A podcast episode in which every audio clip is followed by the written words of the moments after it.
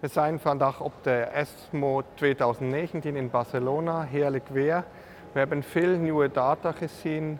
Ook deze jaar in bij meer dan bij ESCO. Met deze keer met name updates. Uh, bij stadium 4 hebben we die updates, die 5 data van uh, de Checkpoint 067 studie gezien.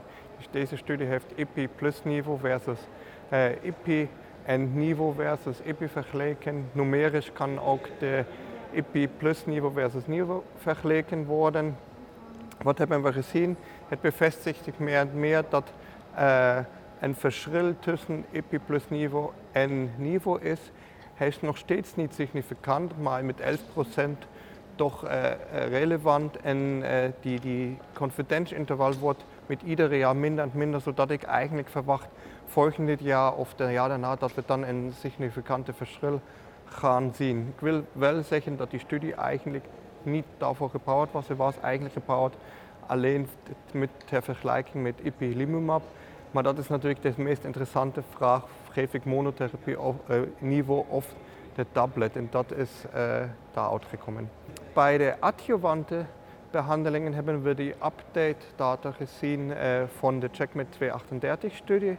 Nivolumab adjuvant versus ipilimumab adjuvant. En uh, daar blijft het ook zo dat er een significante relapse-free survival verschil is. Er zijn nog steeds geen OS-data gepresenteerd. Uh, men zegt dat het alleen volgend jaar komt omdat het pre-specified bij vier jaren was.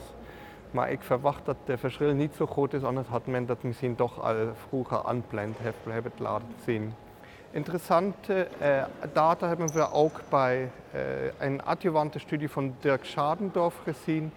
Die heeft onderzocht als we na resectie van stadium 4 melanomen of placebo of nivolumab of ipilimumab dan in de combinatie äh, van 3 milligram ipilimumab met 1 milligram nivolumab geven, kunnen we het relapse-free survival verbeteren. En dat was indrukwekkend met de combinatie 70% relapse-free survival bereikt, 40% in de bereik van 40% bij, met nivolumab en 16% bij de um, placebo-arm. En dat is heel bijzonder, omdat wij normaal denken dat die patiënten die weinig tumorload zouden uh, beter met monotherapie behandeld kunnen worden. En als we veel tumorload hebben, dan misschien beter die combinatie. Maar nu zien we dat in een resected uh, laag tumorload patiëntencohort de verschil tussen nivolumab en ipilimumab automatisch groot is. Dus precies dat wat andersom dat we eigenlijk denken.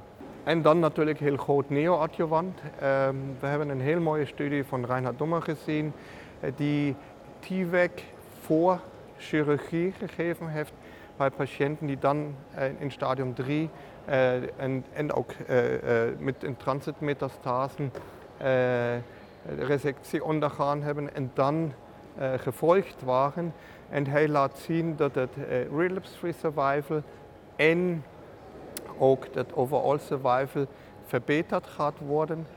Um, die studie is natuurlijk heel lang geleden gestart en daar was natuurlijk nog geen adjuvante anti-PD1-behandeling verkrijgbaar.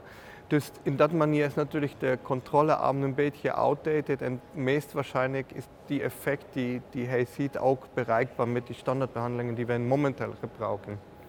En dan nog twee updates van onze eigen studies, eh, OPESSEN en OPESSEN Neo.